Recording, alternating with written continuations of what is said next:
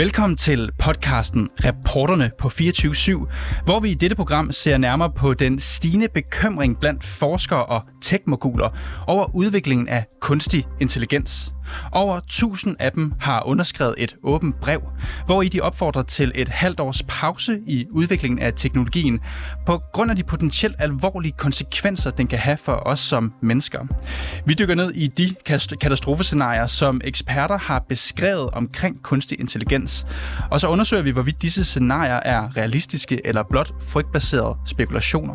Vi ser også nærmere på de etiske og samfundsmæssige spørgsmål, som opstår i kølvandet af den teknologiske teknologiske udvikling. Følg med, når vi udforsker debatten om kunstig intelligens og dens potentiale til at forme vores fremtid.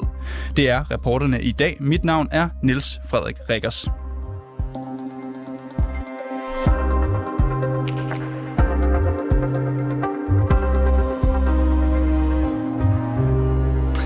Ja, introen du lige hørte her, den har jeg faktisk ikke selv skrevet, og det har mine kolleger heller ikke. Tværtimod så har vi fået den kunstige intelligens chat GPT til at forfatte den. Det er bare en af de utallige ting, som kunstig intelligens den på det seneste er blevet i stand til. Eksempelvis så er det blevet muligt for kunstig intelligens at lytte med på opkald til 112 og hjælpe med at vurdere, om personen, der ringer ind, er i risiko for for eksempel hjertestop. Den her teknologi, den har man prøvet af i Region Nordjyllands alarmberedskab, og jeg ved, du kan fortælle om nogle af de erfaringer, I har gjort jer. Janni Gram, velkommen til. Tak skal du have. Janni, ja. Janne, du er udviklings- og forskningsansvarlig i den præhospitale virksomhed, der varetager 112-telefon i Nordjylland. Janni, med de erfaringer, I har gjort jer, kan øh, kunstig intelligens så overtage for mennesker og tage imod et 112-opkald?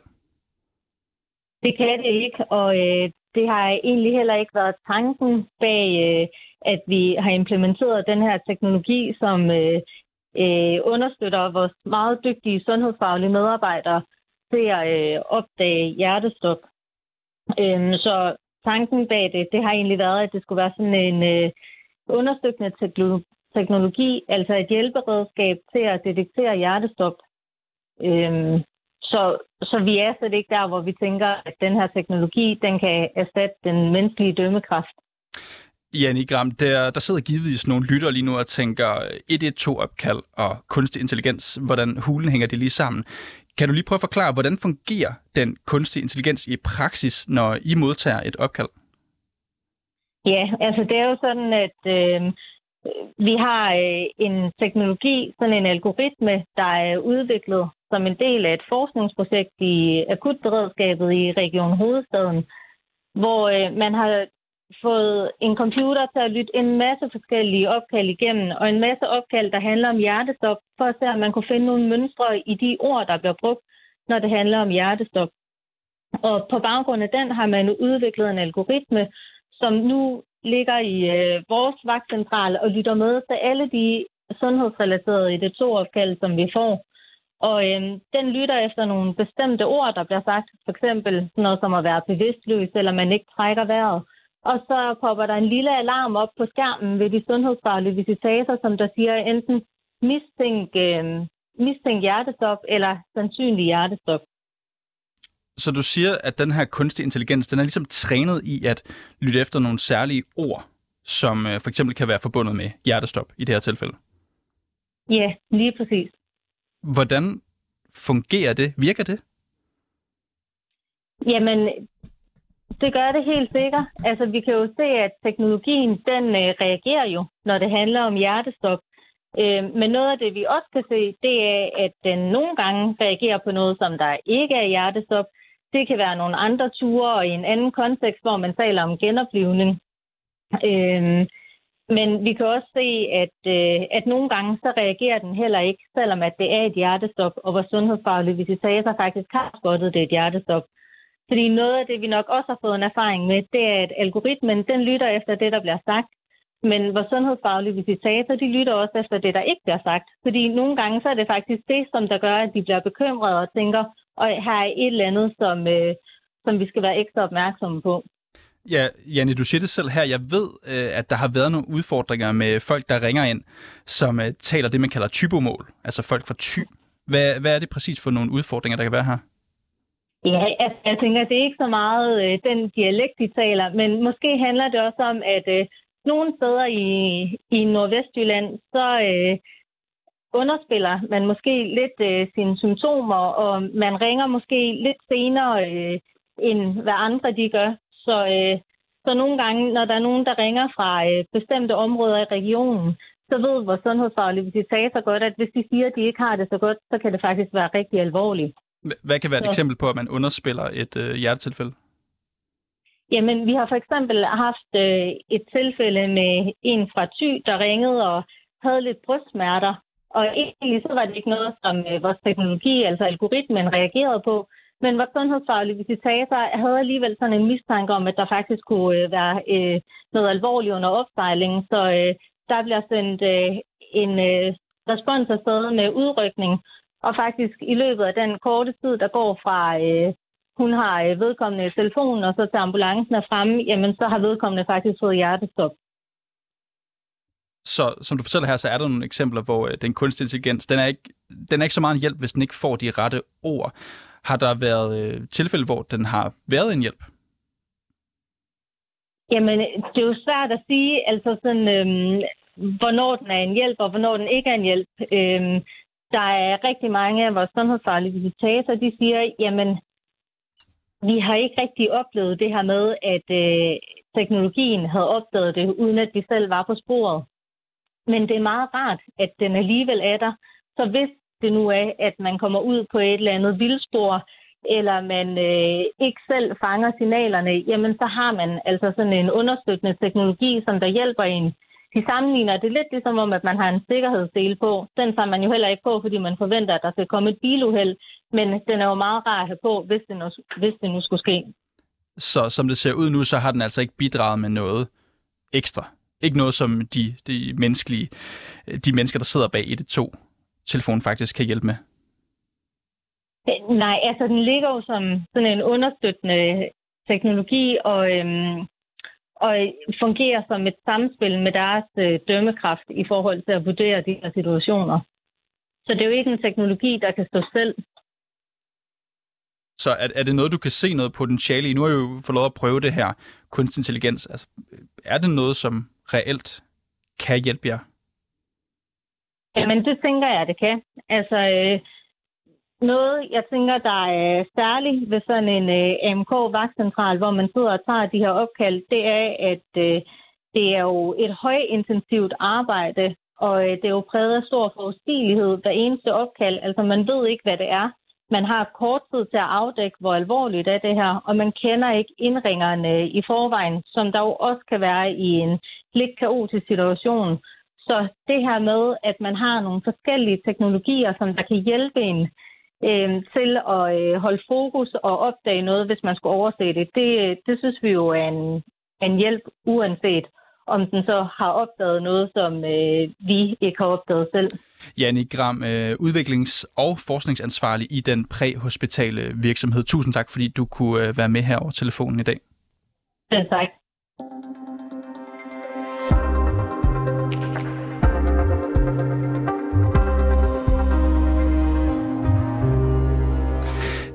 Over 1000 forskere og tekmoguler, som har underskrevet det her åbne brev, ja, de mener, at man bør holde et halvt års pause i udviklingen af den her kunstig intelligens, også kendt som, kendt som AI. Louise Kroos Felipe, du forsker i kunstig intelligens på Syddansk Universitet. Velkommen til. Velkommen til. Tak, hej. Jeg ved, du mener, at øh, det er fjollet at stoppe udviklingen af teknologien i et halvt år. Hvorfor er det det? Øh, Hvorfor er det det? Ja, altså, jeg synes, det vil være fjollet at stoppe udvikling af alt øh, kunstig intelligens i, i et halvt år. Jeg tror også, det er øh, lidt øh, naivt at tro, at det kan lade sig gøre. Øh, jeg må sige, altså, den, det som den brev kalder for, det er egentlig, at man øh, stopper udviklingen af nogle specifikke slags kunstig intelligens, som ChatGPT, som har nogle problematiske aspekter, men de skriver også på nogle steder, at der, det betyder ikke, at man skal stoppe med at forske i kunstig intelligens. Louise, er du, Louise, ja, yep. er du jeg skal faktisk lige starte med at sige, sådan er det, når man laver live radio, Louise. Jeg kan høre mig selv lige nu, når jeg taler. Kan du måske skrue ned for den, der hedder Return på din app lige nu? Så tror jeg, man kan høre det lidt klarere. Yes. Hvis du har return og input på halv styrke, så skulle det gerne virke fint. Kan du høre mig nu, Louise? Yes. Louise, er du reelt bekymret for, at kunstig intelligens på længere sigt kommer til at erstatte os mennesker? Uh, nej, det tror jeg ikke kommer til at ske. Jeg tror, der er, det er lidt som altid ny teknologi, at vi skal lære, hvordan det, øh, hvordan det virker, og hvordan vi kan samarbejde med det. Men jeg tror ikke, at det er noget, der kommer til at erstatte mennesker. Som Hvorfor tror du ikke det? Uh, altså, jeg tror, det er det, der er sket i, igennem historien. Altså, der, der har været en tradition for, at når der kommer ny teknologi, så, øhm, så er der altid øh, bekymring over, øh, hvor meget vil det gøre mennesker redundant, og øh, skal vi være bekymret for, at vi pludselig ikke har noget med at gøre. Og det vi har set igennem historien, det er, at menneskeheden også udvikler sig og finder nye ting, som vi kan gøre, som den der teknologi ikke øh, kan erstatte. Louise, du forsker selv i øjeblikket i, hvordan man kan få øh, en computer til at tænke og rent faktisk forstå, hvad et menneske siger. Hvilke ødelæggende ting vil man kunne bruge sådan en computer til? Sådan en computer til? Uh, altså det, uh, de, de, de emner, de konkrete projekter, som jeg arbejder med, er uh, i samarbejde med Jura, og det handler om uh, at uh, forstå, hvordan vi kan lære en øh, computer at tænke, som, øh, som advokaterne gør, sådan at øh, for eksempel, at den vil kunne øh, samarbejde og hjælpe advokater og jurister i deres øh, job, sådan at den har en forståelse på, på jura og på lovgivning, og den kan øh, komme med nogle argumenter og virker som en modspiller til mennesker, der skal øh, se forskellige perspektiver i øh, juridiske sag. Så hvad kunne reelt være farligt ved lige den del af det? Den del af det. Um, altså det, der kan være farligt, hvis det ikke er gjort rigtigt, er for eksempel, at du har det, det, det som vi kalder for bias. Altså at du har nogle uh, programmer, som uh, kun viser en del um, af, af, af sagen og skylder uh, noget, noget, vigtigt, noget vigtig information for dig. Øh, og det er egentlig også derfor, at det, det, det er vigtigt, at de her computer ikke øh, kører selvstændigt, men at de arbejder sammen med mennesker.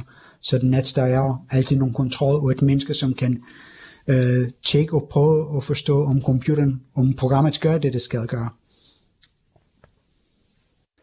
En af dem, der har skrevet under på det her åbne brev, det er Lars Kai Hansen. Han er professor ved DTU, hvor han forsker i det, der hedder machine learning og netop kunstig intelligens. Lars Kai Hansen her, han er bekymret for fremtidens kunstig intelligens. Så vores reporter Bastian Vedsted Eggert, han ringede og fortalte om øh, uh, Janne Grams erfaring med kunstig intelligens i de her 112-opkald. Og at det ikke umiddelbart tyder på, at AI overtager verden forløbigt. Lad os lige høre, hvad han svarer til det. Nej, altså nu, øh, det, det, det firma, der, der, der står bag de ting, der er, er virkelig dygtige, og de gør, hvad de kan, og jeg er sikker på, at øh, det er en af de ting, de arbejder med at få, få fikset, det er, at den bliver endnu bedre til at forstå regionale forskelle, dialekter osv. Men, men, øh, men det er klart, at AI er under udvikling, og, og det, det er jo der, man skal, hvis man vil regulere det, så skal man gøre det, før det bliver for slemt. Ikke? Så vi skal gøre det nu, mens, at, øh, mens at vi, vi ved, at der er en risiko, og måske er der også en mulighed for at gøre noget stadigvæk. Ikke? Hvis det først er stukket af, så, øh, så kan det være for sent. Ikke? Så det, jeg mener, det, uden at være alarmist eller noget som helst andet, så er det bare en god idé en gang imellem lige at tænke over, hvad, hvad det kan bruges til det øh, udstyr, man sidder og, og, og fremstiller. Ikke? Louise, mener du ligesom Lars Kai Hansen her, at øh, vi med øjeblikkelig virkning skal regulere kunstig intelligens, inden det altså er for sent? Øh, det mener jeg vil være en god idé at gøre, og det er vi også øh, i gang med. Øhm, så der er lige nu der, er, der er arbejdsgrupper inden for EU, som arbejder lige præcis med at, lave, med at regulere, hvordan kunstig intelligens kan bruges, og hvor der, i hvilken område vil det ikke være Øh, øh, øh, tilladt at bruge kunstig intelligens, i hvert fald i de kommende år. Jeg tror, det som er på mange slæber, det er det her med, hvornår kan det blive for sent? Hvornår har vi overskrevet en grænse, hvor det simpelthen bare bliver irreversibelt og decideret farligt for os med den her kunstige intelligens?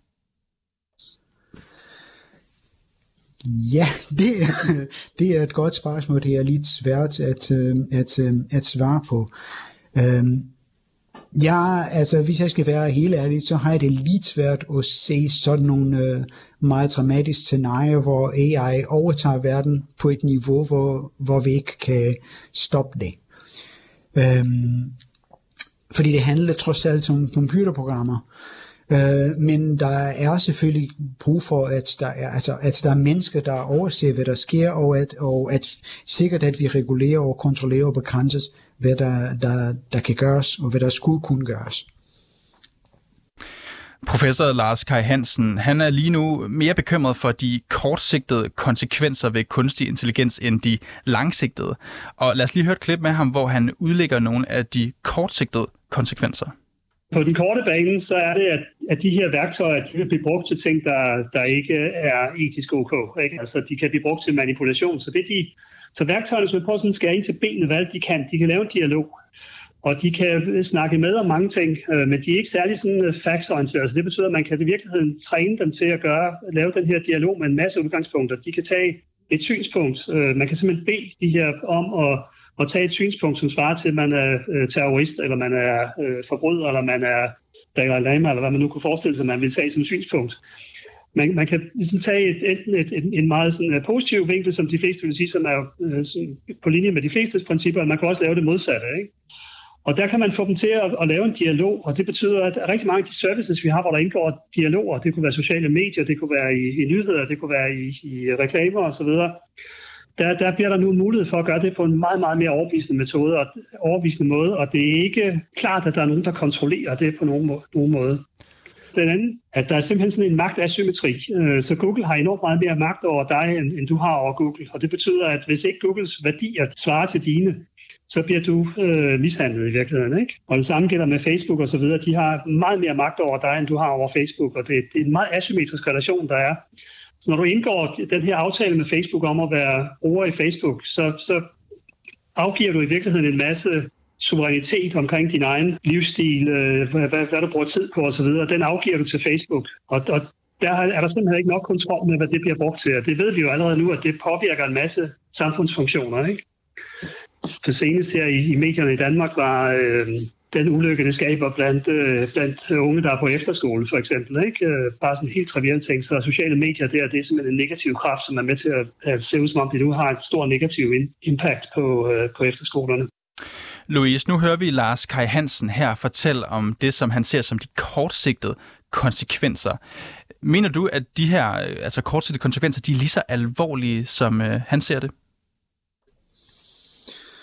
Øhm, altså, jeg kan godt se hans point i, at øh, vi, kan, vi kan godt misbruge det værktøj, vi har på, på, på altså som han beskriver til at manipulere. Øhm, men altså, det er også noget, som vi har haft problemer med med sociale medier øh, hele tiden. Så jeg, jeg vil sige, at problemet der ligger lidt mere i den magt, som sociale medier har, og den øh, mangler på øh, restriktioner på, hvad der sker inden for sociale medier, end i selve kunstig intelligens. Det her åbne brev, som vi, vi taler om, det kommer med nogle ret dystopiske forudsigelser. Blandt andet står der, at der er reel risiko for, at kunstig intelligens det overlister os, bortskaffer os og erstatter os.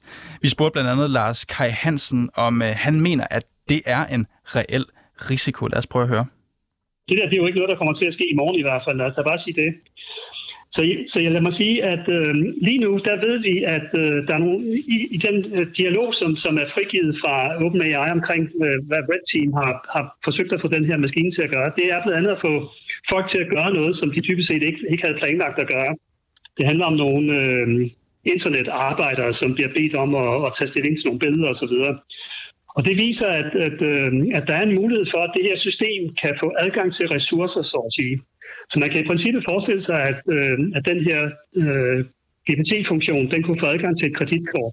Og der er den så god til at, at, at forstå verden trods alt, og den er så god til at, at manipulere, at det, det ikke er usandsynligt, at det kunne ske simpelthen, at den kunne få adgang til et kreditkort. Man kunne forestille sig, at den så vil udnytte det her øh, kreditkort og begynde at bruge pengene uafhængigt af ejeren af kreditkortet.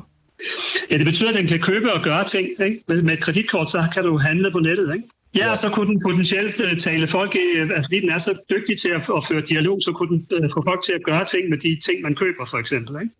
Men det betyder, at den vil have en agenda på forhånd. Har den sådan en agenda? Kan den, kan den få det uafhængigt af, hvad vi nu, hvad dem, der sidder bag, bag AI'en? Ja, ligesom... det, det, det, mener jeg faktisk, at det, det er der et eksempel på i den rapport, som, kom, som er kommet fra OpenAI. Altså igen, så kan, må jeg bare sige, at det, det er et red team, som vi ikke har ret meget indsigt i, hvad de har gjort. Ja. Øh, vi, vi, ved ikke, vi ved knap nok, hvem det er, og så videre. Ikke? Så, så, så derfor må jeg bare sige, hvis vi tager det til indsigt, som står i det her dokument, så ser det ud som om, at det kan gøre noget, der minder om, om sådan en slags intention, vil man kalde det. Ikke? Det er klart, at alt sammen er jo øh, bare computeralgoritmer osv., men, men det effektivt. Det der, det, der ser ud som om, der sker, det er, at det har en intention om at snyde den her internetarbejder til at lave en handling, som ikke var planlagt. Ikke? Så den prøver simpelthen at, at snyde et menneske, den har en eller anden, hvad skal man sige, en skjul agenda, en skjul intention. Ja. Så helt konkret så handler det om at, at finde ud af, hvad der er i et billede. Ikke? Så den, det, det, den forsøger at lave noget mere træningsmateriale til sig selv, så at sige. Ikke? Louise Cruz Felipe, jeg vil gerne sige øh, på egen regning, at det lyder ret foruroligende, det vi hører her fra Lars Kai Hansen. Tror du, der er en risiko for, at kunstig intelligens på sigt kan overliste os mennesker?